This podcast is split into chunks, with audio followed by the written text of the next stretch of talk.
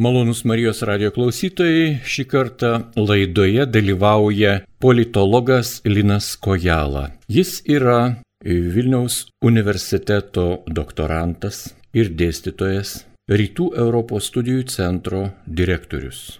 Maloniai sutiko pasidalinti savo įžvalgą ir rekomendacijomis, kurios vienokiu ir kitokiu būdu liečia kiekvieną tikintį žmogų. Ir kalbiname tą temą, balandžio mėnesį popiežiaus intencija yra melstis už žmogaus teisės pažeidimus įvairių okupuotų ir aneksuotų kraštų žmonių pagalbai teikiant. Taigi, vienas iš pirmųjų klausimų, gerbiamas Linai, yra, kodėl popiežius Pranciškus balandžio mėnesio intencijoje kviečia melstis už diktatūrų varžomus kraštus manau kad popiežius labai prasmingai atkreipė dėmesį į tai kad šiandien kai pasaulis kamuojasi su pandemija kai vis dar nėra galimybių matyti to vaizdo kokį mes norėtume matyti kalbant apie žmonių judėjimą apie jų galimybes ir jų užtikrinimą labai svarbu kad nebūtų prarastos fundamentalios teisės ir kad valdžios ypatingai nedemokratinėse šalyse neuzurpuotų tų galių bei nepaneiginėtų žmogaus teisių. Deja bet įvairiuose pasaulio regionuose mes matome kad ta situacija yra na mažų mažiausiai negerėjanti o kai kuriais atvejais ir blogėjanti. Ir tai aš manau kelia popiežiui didelį nerimą. Be jokios abejonės tai nėra taip paprasta ir popiežiui teikti tokią iniciatyvą. Kaip Jūs manot, ar žmonės išgirs popiežiaus kvietimą, ar išgirs politiką ir išgirs tos institucijos, kurios nors kažkiek gali būti paveiktos maldos akcijos? Be abejo, popiežius yra be galo svarbus asmuo, be galo svarbus e, ta prasme, kad jo žodžiai tikrai yra išgirstami, jo klausosi ir pasaulio lyderiai, jo klausosi ne tik katalikai, bet ir uh, kitų konfesijų uh, žmonės, nes jie puikiai supranta, kad popiežius yra visoko moralinis autoritetas. Todėl tie teiginiai, kurie buvo išsakyti, tas problemos identifikavimas, kalbėjimas apie ją, akcentavimas, kad šiandien pasaulis turi sutelkti resursus pirmiausiai kovai su pandemija, o ne galbūt ginklavimuisi ar kitiems panašiems dalykams, ar juo labiau agresijos naudojimui visa tai tikrai nelieka nepastebėta. Be abejo, mes puikiai suprantame, kad popiežius vien pasakydamas tai situacijos taiga nepaims ir nepakeis. Diktatoriai kaip buvo, taip jie ir liks. Bet tai yra vienas svarbus žingsnelis siekiant bent jau parodyti pasauliui, kad tai yra iššūkis ir grėsmė, kurią reikia pabandyti įveikti. Gal galėtumėte apibrėžti, kokiuose kraštuose pasaulyje gyvuoja diktatūros, žodis gyvuoja čia toks ironiškas, režimai, autoritarizmas, demokratijos krizės, į kurias popiežius Pranciškus atkreipė pasaulio katalikų dėmesį. Iš ties, dėja, bet tokių regionų ar atskirų valstybių galėtume išvardinti pakankamai nemažai. Tai paminėsiu gal tokius e, ryškiausiai matomus blogiausius pavyzdžius. Vienas iš jų be abejo yra Sirija kur jau ne vienerius metus e, tęsiasi karinis konfliktas, nusinešęs šimtus tūkstančių gyvybių ir e, pareikalavęs daugybę žmonių aukų ir uh, gyvybės prasme ir dėl to, kad teko palikti savo namus, teko uh, palikti savo artimuosius ir uh, kilo didžiulės tragedijos dėl to. Ir akivaizdu, kad situacija dėja, bet ten nesitaiso. Na, panaši problema yra ir Šiaurės Afrikoje bei visame Afrikos žemynė, kur dėja, bet demokratijos šaknys yra pakankamai silpnos ir trapios, todėl ir žmogaus teisų pažeidimai ir pilietiniai karai, kurie tęsiasi atskirose regiono valstybėse, jie tebelieka aktualūs. Manau, kad ne, nerima kelia ir tokios šalis kaip Kinija, kurios dėja, bet turi labai blogų pavyzdžių, ypatingai jeigu kalbėtume apie Kinijos Xinjiango provinciją, kur gyvena musulmonų mažuma, bet tai, kaip su ją yra elgiamasi, vakarų stebėtojai apibūdina kartais net ir genocido terminu. Tai tikrai nesinorėtų tikėti, kad 21-ame amžiuje mes vis dar turime kalbėti apie vykdomus genocidus prieš atskiras žmonių grupės bet dėja apie tai tenka kalbėti. Tikrai tas žodis dėja, gerbiamas Linai, jis išsprūsta mums, bet išsprūsta iš gelmės.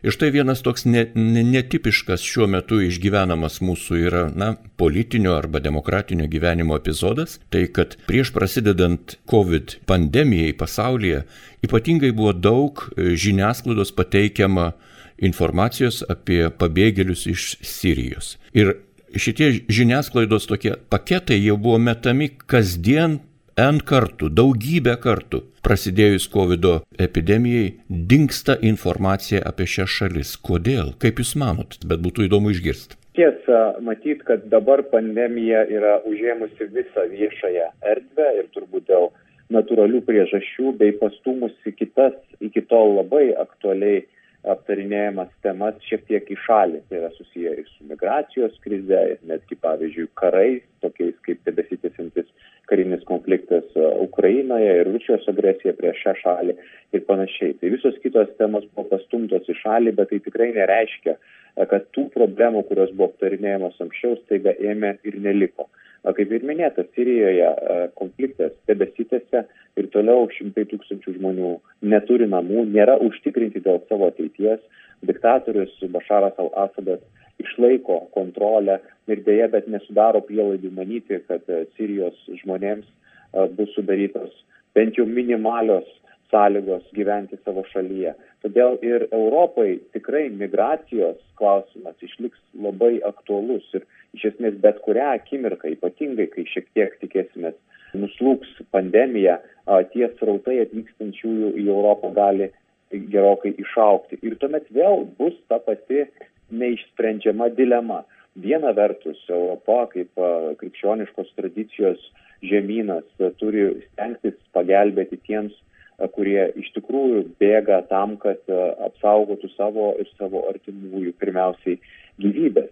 Bet kita vertus, akivaizdu, kad savaime tas procesas nebus sklandus ir jis negali įvykti ir taip, kad galėtume apginti tų žmonių interesą ir taip, kad situacija būtų suvaldyta ir, pavyzdžiui, toje pačioje Europoje neatsirastų radikalių politinių jėgų, kurios sakytų, kad neturime nieko įsileisti ir už mūsų sienų yra tik tai, tik tai priešai. Tai ta didžiulė dilema, kuri buvo ypatingai paaštrėjusi turbūt 2015-2016 metais, kai į Europą per vienerius metus atvyko milijonas ir net daugiau žmonių, jinai dabar tarsi yra šiek tiek nustumta į šalį bet galime nebejoti, jog ji tikrai, tikrai sugrįž. Na, jeigu galima grįžkime prie pagrindinių žmogaus teisių, tiek tarptautinių teisių, tiek teisių, kurias žmonės turi savo bendruomenėse, savo valstybėse ir kur kitur. Kaip galima būtų apibūdinti pagrindinės žmonių teises? Žmogaus teisės yra apibrieštos tarptautiniuose dokumentuose ir hartijose, jos iš esmės kalba apie fundamentalius dalykus, tai yra teisė gyvybę, teisę į sąžinės laisvę, teisę į laisvą pasirinkimą, teisę būti saugiu, saugioje aplinkoje ir teisę, kad tavęs niekas ne, nežalotų ir neskriaustų. Tai tokie fundamentalūs dalykai, nuo kurių atsispiriant ir yra formuojamos ypatingai demokratinių valstybių politinės sistemos. Deja, bet susidurėme su problema ir kuri turbūt išliks dar, deja, bet labai ilgą laiko tarpą, kai e, žmogaus teisų pažeidimai vienoje ir kitoje valstybėje savaime neįgalina tarptautinės bendruomenės tai skriaudžiamai žmonių grupiai padėti, net jeigu yra konstatuojama akivaizdžiai, kad vykdomi žmogaus teisų pažeidimai, todėl kad kiekvienos valstybės suverenitetas apriboja išorės veikėjų galimybės paveikti procesus atskirų valstybių viduje. Ir tą mes matome jau mano minėtų Sinjango atveju Kinijoje, bet ir daugybėje kitų atvejų, kuomet vietos valdžia laiko prioritetu ne tarptautinių lygių sutartas normas, bet būtent tai, kad savo teritorijoje sprendimus priima jie patys. Kaip diktatūros arba konkreti kokia diktatūra gali suvaržyti žmogaus teisės, kaip jos suvaržo? Iš esmės turbūt visos diktatūros didesniu ir mažesniu mastu kliaujasi žmogaus teisų suvaržymų. Mažų mažiausiai, jeigu tai yra pakankamai švelnus autoritarinis režimas, žmonės neturi galimybės pasirinkti, kas yra jų šalies valdžioje ir sąlygoti procesų, kurie yra susijęs su jų kasdieniu gyvenimu, nes autoritarinė valdžia yra visiškai neatskaitinga savo piliečiams ir tokiu atveju be abejo manipuliuoja viešąją erdvę, manipuliuoja rinkimų procesais, manipuliuoja žmonių galimybėmis dalyvauti savo bendruomenės kūrime ir valdyme. Tai tai galbūt būdinga bent jau švelnesniems autoritariniams režimams. Tie, kurie jau peržengia šiek tiek toliau, jiems būdinga be abejo ir susidorojimas su politiniais oponentais. Ir na, tokios modernios, bet dėja 20-ojo amžiaus tragedijas primenančios koncentracijos stovyklos, kur yra sutelkiami politiniai ir kitokie priešai. Tai yra ir nesiskaitimas su žmogaus gyvybė ir kitais fundamentaliais dalykais. Tai dėja ir tokių atvejų turime. Nors kita vertus reikia galbūt kažkiek paieškoti ir optimizmo krislų. Optimizmo tame, kad po šaltojo karo pasaulyje pirmą kartą demokratinių valstybių skaičius pranoko autoritarinių valstybių skaičių. Iki tol visuomet pasaulyje buvo daugiau autoritarinių e, režimų negu demokratijų. Tai po šalto karo ta situacija pirmą kartą pasikeitė ir be abejo Lietuva buvo irgi to priešakyje, nes subirėjus Sovietų imperijai tapo nepriklausoma demokratinė valstybę. Tai tuo turbūt galime pasidžiaugti bent jau ta prasme, kad demokratijos nebūtinai taip pralaimi, kaip galbūt kartais patys esame linkę manyti. Ar iš tiesų žmogaus teisės yra tinkamai apginamos ir atstovaujamos, žinoma, ir demokratiniuose kraštuose? Tikrai demokratija nėra panacėja, demokratija nėra tobulas mechanizmas. Čia galime prisiminti labai plačiai aptarta arba cituojama Winstono Čerčilio tezė apie tai, kad e, demokratija yra pati blogiausia sistema, bet vis tiek ji yra geresnė už visas likusias kada nors žmonijos sukurtas. Tai demokratijoje tikrai apstu problemų, apstu iššūkių, netrūksta diskusijų, kiek demokratija apskritai yra pritaikoma 21 amžiui, kuris yra labai kitoks amžius lyginant su praeitimi, todėl kad keičiasi gyvenimo tempas, keičiasi mūsų komunikavimo formos, keičiasi bendravimo galimybės. Tuo tarpu institucijos, kurios buvo suformuotos, jos iš esmės išlieka beveik nepasikeitusios kai kuriuose ilgalaikėse demokratinėse šalyse šimtmetį ar net daugiau. Vadinasi, kyla klausimas, ar demokratija yra pajėgi atliepti šiandienos problemas, būti efektyvi, būti apginanti fundamentalias žmogaus teisės. Bet aš manau, kad vis tik tai, vėlgi atsispiriant nuo Čerčilio, demokratijoje tam yra sudarytos pačios geriausios sąlygos. Ir žmogaus teisų pažeidimai tose šalise, kurios nėra laikomas demokratijomis, e, yra paprastai gerokai didesni, gerokai šiurkštesni ir gerokai mažiau išsprendžiami negu e, demokratinės valstybės. Na, o kaip saveikauja demokratija, sakykime, su hierarchinėmis struktūromis? E, kokia yra bažnyčių ir tikinčiųjų padėtis tose šalise, kuriuose yra diktatūra, režimo priespauda ir kitokie suvaržymai? Mes turime daug pavyzdžių ir iš istorijos, ir iš šių laikų, kur dėja, bet e, religinės bendruomenės, ypatingai jeigu jos yra mažumos, yra engiamos ir suvokiamos kaip galimas iššūkis politiniai sistemai arba politiniam lyderiui. Čia toli turbūt dairytis nereikia. Prisiminkime Lietuvos katalikų bažnyčios kroniką, kuri buvo vienas iš fundamentalių Lietuvos laisvės šauklių tuo metu, kai sovietinė imperija be abejo krikščionių bendruomenės ir katalikus be abejo taip pat laikė tais, kurie kelia grėsmę imperijai, kurioje nėra Dievo. Tai tą patį dėja, bet mes matome ir kitose aplinkose arba kitose aplinkybėse, vėlgi toje pačioje Kinijoje, kur krikščionybei niekuomet nebuvo lengva, žinom, kad tą šalį vis dar valdo vienintelė komunistų partija, bet tą matome ir kitose pasaulio regionuose. Bet katalikų bendruomenėms ir krikščionių bendruomenėms, šiek tiek plačiau žvelgiant, visuomet reikia to, kuo šios bendruomenės garsėjo dar nuo senovės Egipto laikų, tai yra sutelktumo, gebėjimo būti stipriems, vienas kito palaikymo ir tikėjimo, kad na, situacija ten, kur yra labai bloga, bus bent šiek tiek geresnė rytoj.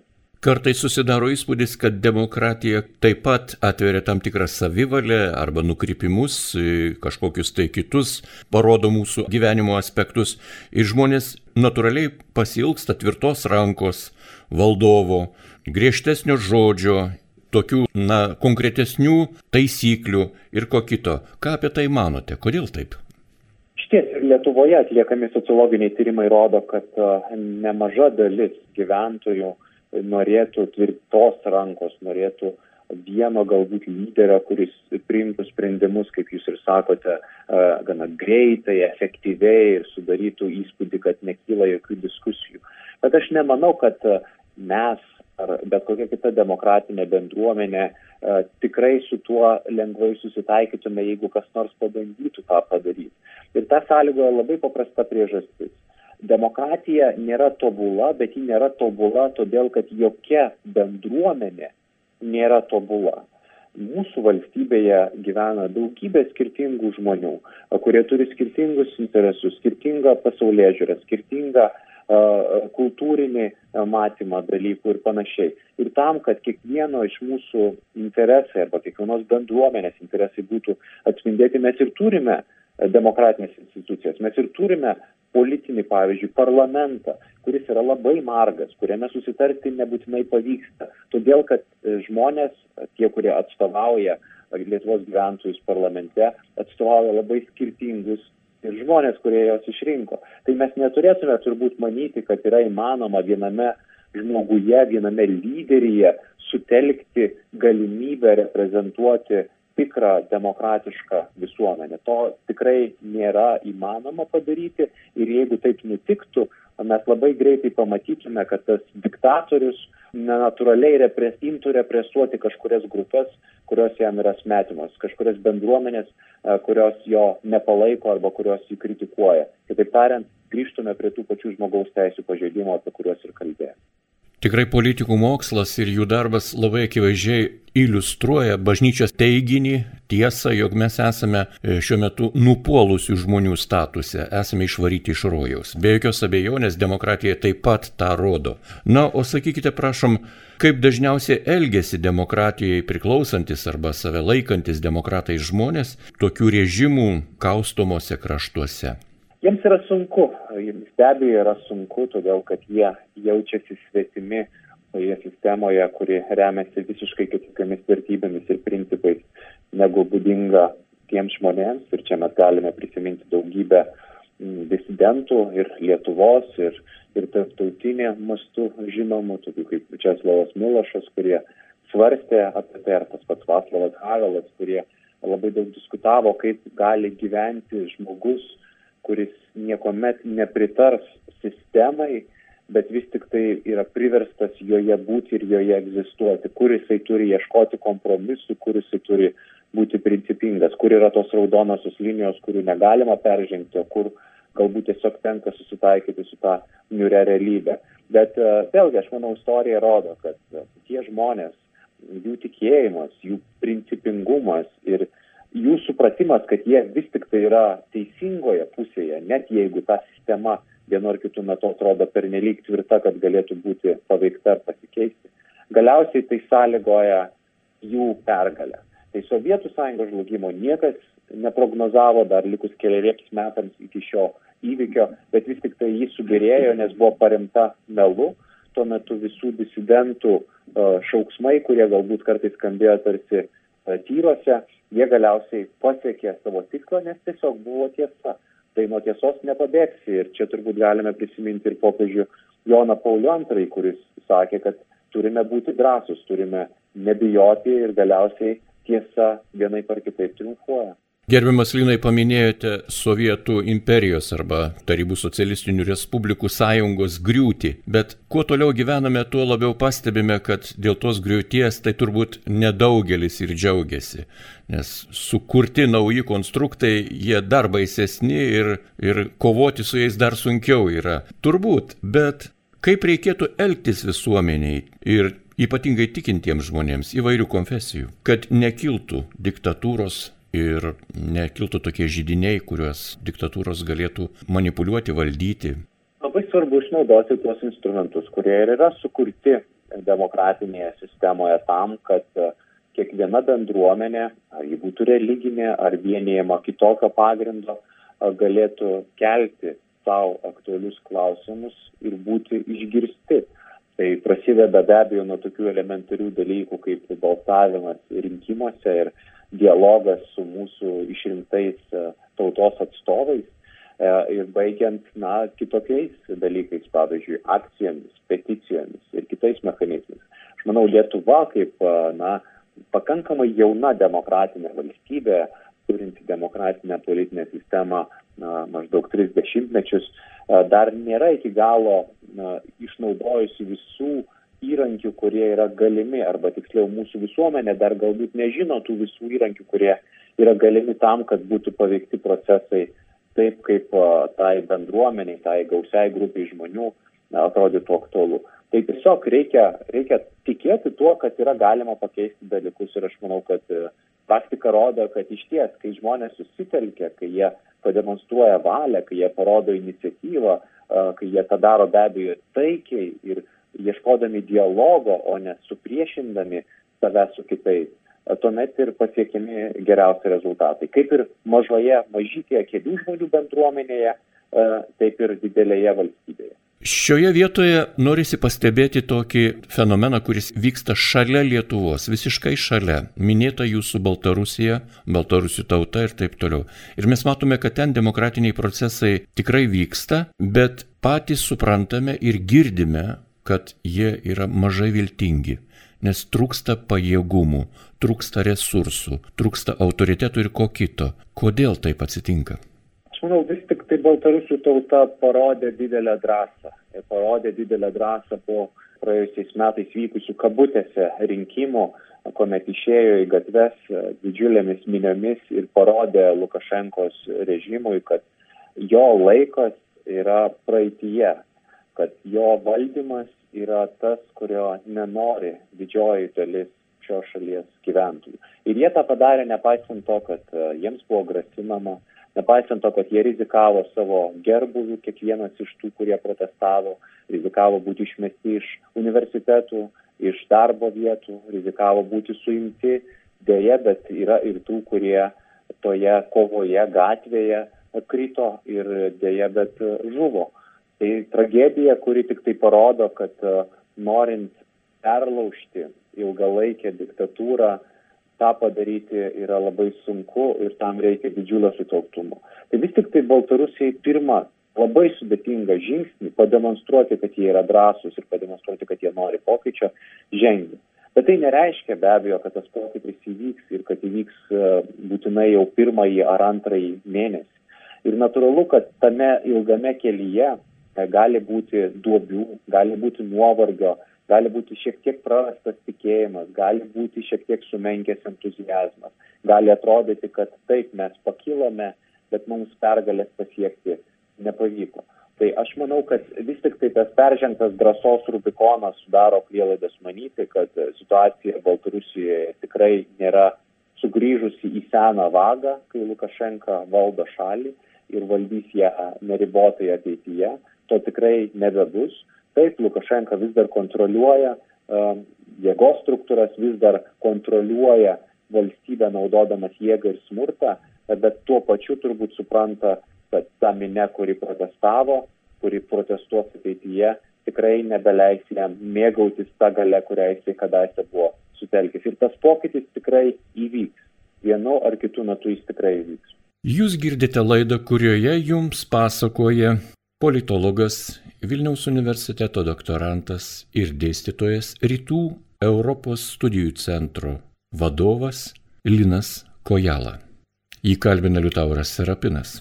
Galėtume teikti, jog Baltarusija šiuo metu yra labiau krikščioniška negu jos rytinė kaiminė ir krikščionybės, sakykime, kažkoks indėlis į demokratiją, jis kultūriškai yra jaučiamas. Kiek šitoje vietoje gali suvaidinti teigiamą rolę tai, kad Baltarusija yra krikščioniška, jos išsivadavimo kelyje?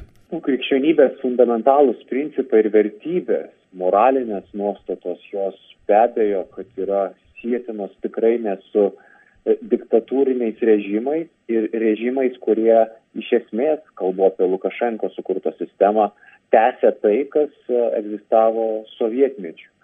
Nes tai, kas sukūrė Lukašenka, nekažin kiek skiriasi savo principais nuo to, kokia buvo Baltarusija Sovietų sąjungos sudėtyje.